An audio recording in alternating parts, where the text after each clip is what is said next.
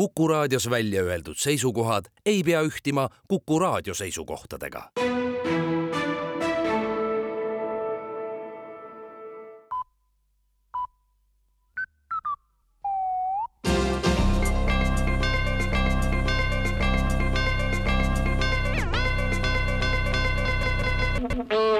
uudised on eetris ja stuudios Rohke Debelak esimest korda on Eesti Nobeli preemia saamisele lähemal kui kunagi varem. esialgse info põhjal saab Eesti Vabariigi Haridusministeerium sel aastal Nobeli füüsikapreemia silmapaistva saavutuse eest. nimelt on Haridusministeeriumil õnnestunud aastaid kestnud pingutuste tulemusena luua ajaloo esimene tehislik must auk. see on stabiilne ja nagu mustad augud ka mujal universumis, aegamisi suurenev haridusministeeriumis asuv must auk on ka esimene teadaolev valikuliselt töötav must auk, mis neelab endasse ainult raha ja informatsiooni selle kohta, kuhu see raha läks. nii kui euro ületab haridusministeeriumi piiri, ületab see ka niinimetatud sündmuse horisondi ja väljaspool seda asuvad inimesed ei saa enam aru, kuhu see euro kadus. töögrupp eesotsas akadeemik Jaak Aaviksooga on musta augu hinnanguliseks mahuks arvutanud seitsekümmend miljardit eurot ja kogu Eesti riigieelarve neelamiseks kuluks selle neli sekundit peamiseks hoovaks, miks õpetajate streik hetkel lõpetati, ongi lootus Nobeli preemia raha kohale jõudmiseks.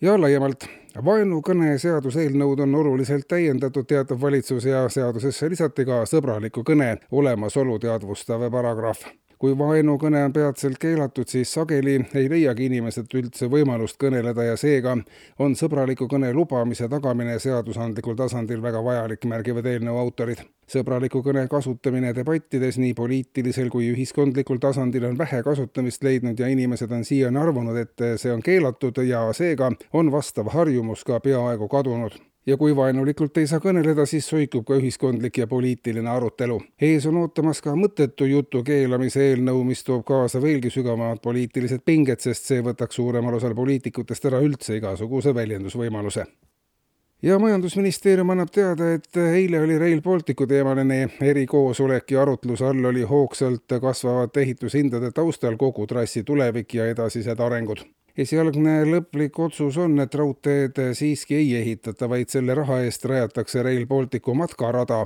mis viib matkaja otse Euroopa südamesse. Mida aeg edasi, seda suurema koormuse all on praegused matkarajad ja inimeste huvides oleks uusi radasid kindlasti vaja. matkaraja trass kopeerib raudteetrassi aga ehitamata jäävad kulukad sillad, viaduktid, ökoduktid, peale, maha ja ümbersõidud. matkaraja mitmesse paika tulevad ka näitused kõigest sellest, mis ehitamata jäi ja nii on inimestel võimalus ka rõõmu tunda, et see kõik ehitamata ka jäi, märgiti nõupidamise lõpetuseks ja pealinna teateid. kaitsepolitsei mitmed struktuurid on viidud täiendava valmisoleku ja tähelepanu režiimi, kuna Keskerakond alles jäänud linnaametnikud on andnud eile pressikonverentsi, kus valgustasid nii erakonna edasist visiooni kui ka poliitikute isiklikke arenguperspektiive. peamiselt on kapo ametnikke tähelepanelikuks teinud mitme Keskerakonna poliitiku lubadused hakata senisest oluliselt enam tööd tegema. täiendava valve alla on seega võetud eilsest linna finantssüsteemid, nii sisse kui väljamaksed ja suuremate lepingute sõlmimine eetris olid uudised